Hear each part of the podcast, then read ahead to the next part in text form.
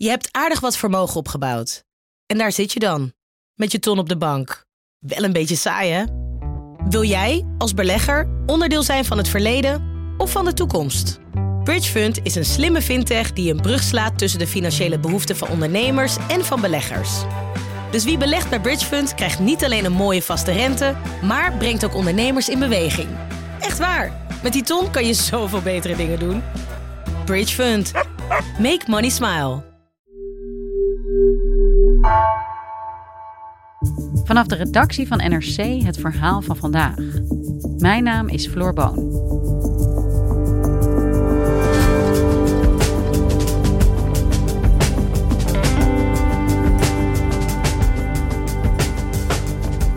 In de nacht van maandag op dinsdag verwoesten grote explosies een belangrijke stuwdam in de Oekraïnse rivier de Dnieper.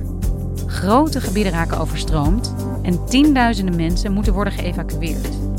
De toedracht is nog onduidelijk, maar Rusland lijkt het meeste winnen te hebben bij deze vernieling, vertelt Hans Steketee, om zo een zuidelijk offensief van Oekraïne te bemoeilijken.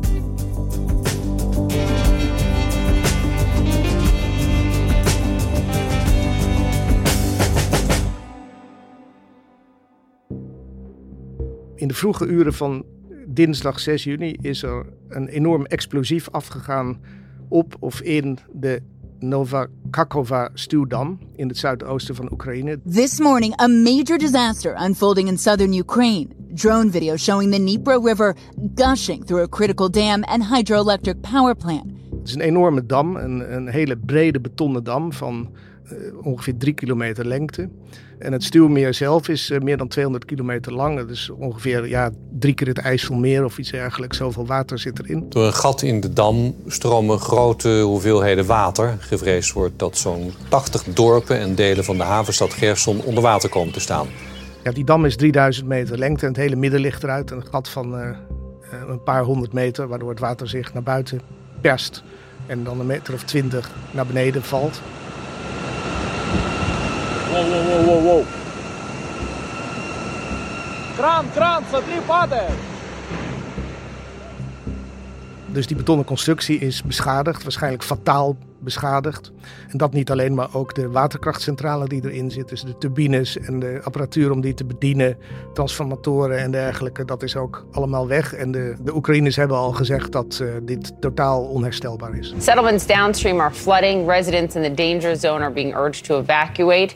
You can see water creeping into Kherson City. That's what's happening right now. And officials are warning people do everything you can to save your life. Ukraine's president holding an emergency meeting with top officials to address this crisis. En al dat water dat stroomt nu ongecontroleerd door de dam de, de, de Dnieper in richting de Zwarte Zee, zo'n 100 kilometer verder. Dus dat is het laatste deel, het zuidoostelijke deel van de Dnieper.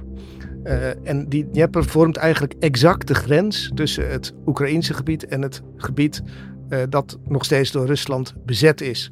Dus die rivier is eigenlijk een frontlijn. Ja, Hans, ik heb die beelden ook gezien. Ik denk heel veel mensen gisteren. Gigantische hoeveelheden water die daar door die dam heen stromen. Dat grote stuwmeer dat langzaam leegloopt. Is er al iets te zeggen over de impact?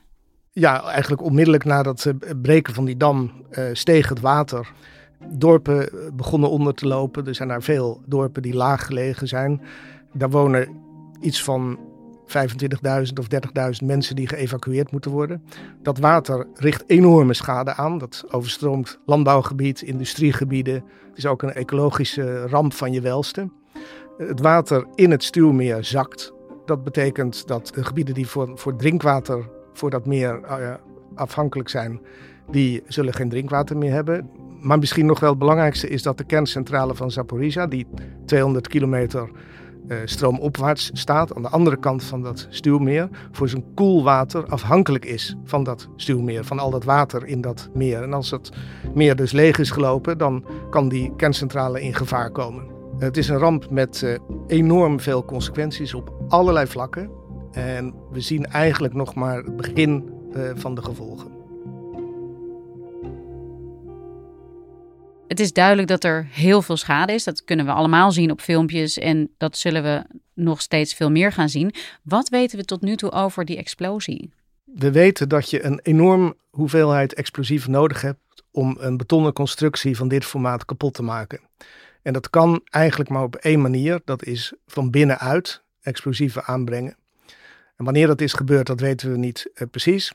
In de herfst van vorig jaar waarschuwde president Zelensky al ervoor dat de Russen die dam zouden willen opblazen. Поінформував сьогодні європейців під час засідання Європейської ради і про черговий теракт, до якого Росія готується на Каховській гідроелектростанції. En dat is uh, toen niet gebeurd, maar nu wel. Ukraine blames Russia for blowing up the strategic dam overnight, which is under Russian control in the Kherson region. President Zelensky calling it a terrorist attack, while Russian state media accuses Ukraine of attacking the dam without providing any evidence. Ja, Zelensky beschuldigt Rusland, zegt dat zij de schuldigen zijn. Rusland zegt nee hoor, wij hebben niets gedaan. Wat weten we hier? Officieel weten we niks. En uh, je ziet wel natuurlijk het bekende patroon van deze oorlog: van over en weer elkaar beschuldigen van wreedheden en misdaden en geweld.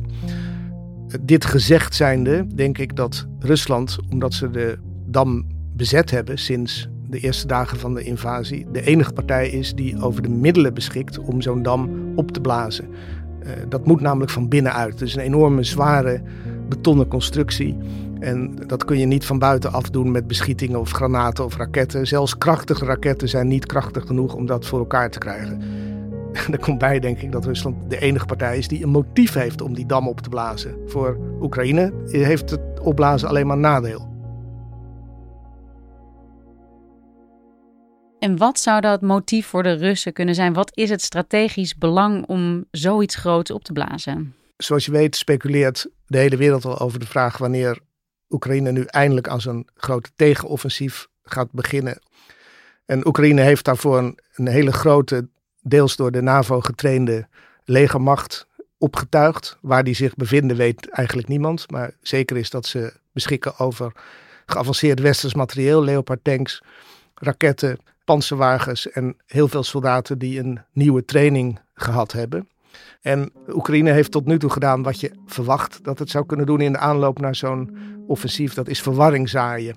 Met kleine aanvallen, bijvoorbeeld met drones in, in, in Moskou. Om verwarring te zaaien, te zorgen dat de bevolking ook eh, voor het eerst merkt dat die oorlog niet iets is voor ver van huis, maar dat dat dichtbij komt.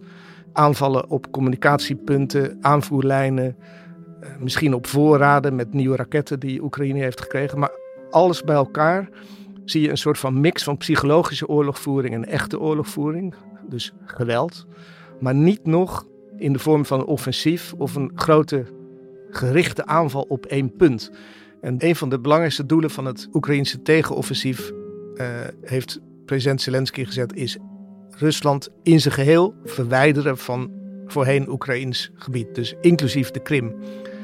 En de kortste weg naar de Krim gaat over de Dnieper. Dat is de kortste afstand. Dus als je echt die Krim wil zuiveren, want daar komt het, daar komt het op neer, dan moet je de Dnieper oversteken. En als de Russen die dreiging serieus nemen, ligt het voor de hand dat ze gedaan hebben wat ze gedaan hebben. Dus dan zou het eigenlijk geen aanvalsactie zijn van de Russen, maar eerder een soort verdedigingsactie om te zorgen dat de Oekraïners niet kunnen oprukken. Ja, vanuit dat cynische perspectief heeft het inderdaad zin om die dam op te blazen. Want dat betekent dus dat eh, het water baant zich een weg 70 kilometer richting de, uh, de Zwarte Zee. Dan krijg je grote verwoesting. De Oekraïners hebben aandacht nodig voor uh, het evacueren van mensen en niet voor een offensief. Dus ja, dat zou een motief kunnen zijn. Tegelijkertijd moet je je wel afvragen: oké, dat water is, als het eenmaal eruit is, dat gaat ook een keer weer zakken. Nou, er komt een moment dat dat stuwmeer leeg is en dat het water weer gewoon door die rivier loopt. En dan zouden de Oekraïners een nieuwe poging kunnen wagen de rivier over te steken. Dus vanuit dat perspectief is dit alleen maar een uh, uitstel van executie. Ja, en dan is het alleen maar vertragen van dat tegenoffensief van Oekraïne. Ja. En stel we nemen de gedachteoefening dat hmm. Oekraïne hier de aanvallende partij is. Wat zou het belang zijn van Oekraïne? Is er een belang te bedenken waarom zij hun eigen land onder water zouden zetten? Ja, nou ja, dan moet je advocaat van de duivel spelen.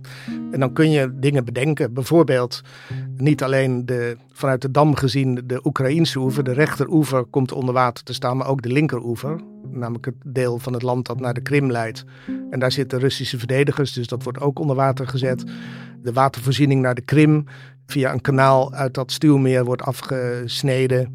Je kunt ook nog eh, op een hele bizarre manier aan psychologische oorlogvoering denken, namelijk de ander de schuld geven van deze wreedheid.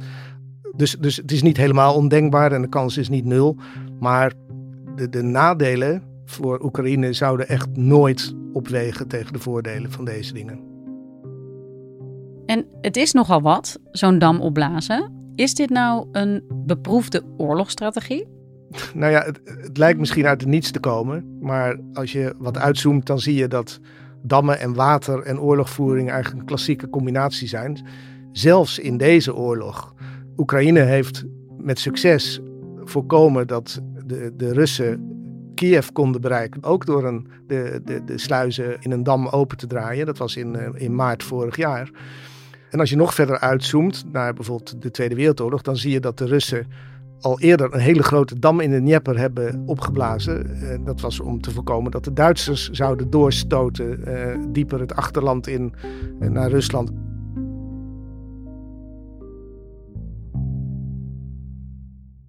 Kan jij, Hans, ons schetsen hoe die situatie er nu en in de komende dagen uit gaat zien? Ja, nu dat water uit dat gigantische stuwmeer gewoon vrijelijk wegstroomt. Ja, dat stuwmeer is vol en is over een aantal dagen leeg. Het is niet zo dat dat in een kwestie van uren leeg is, maar dat gaat volgens experts een dag of drie of misschien wel langer duren.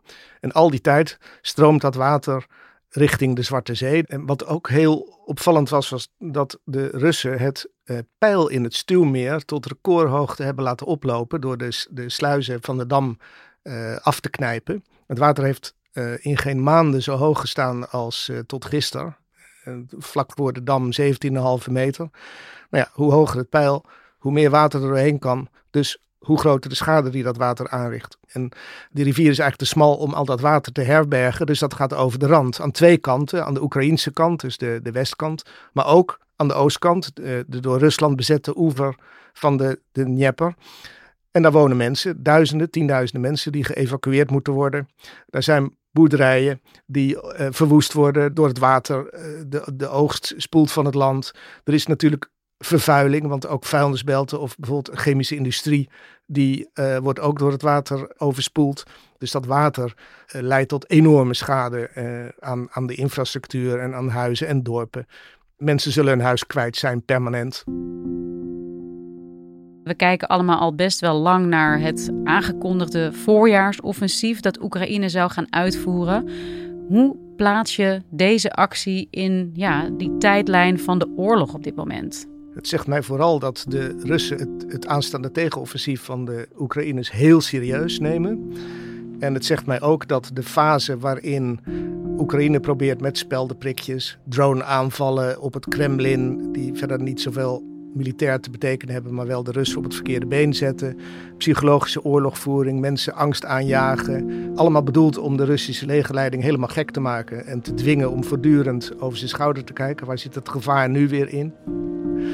dat die fase van een soort schaduwoorlog, de voorbereiding van het offensief, dat die nu op zijn einde loopt.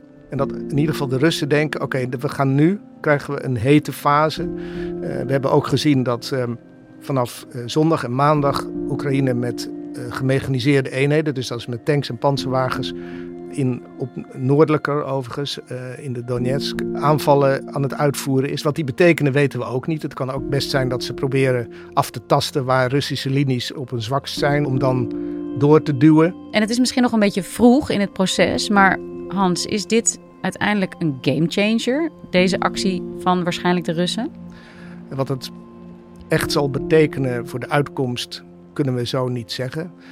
Uh, ik heb zelf het idee dat als je ziet dat deze dam eigenlijk alleen maar invloed heeft op een heel klein gedeelte van de frontlinie, namelijk tussen de dam en de Zwarte Zee. Dat is maar 100 kilometer.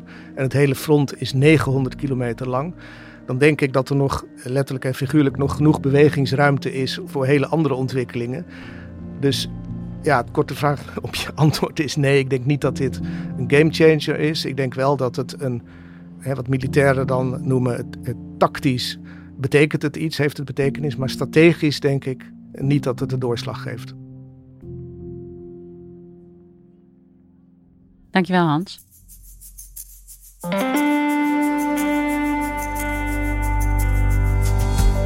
Je luisterde naar vandaag, een podcast van NRC.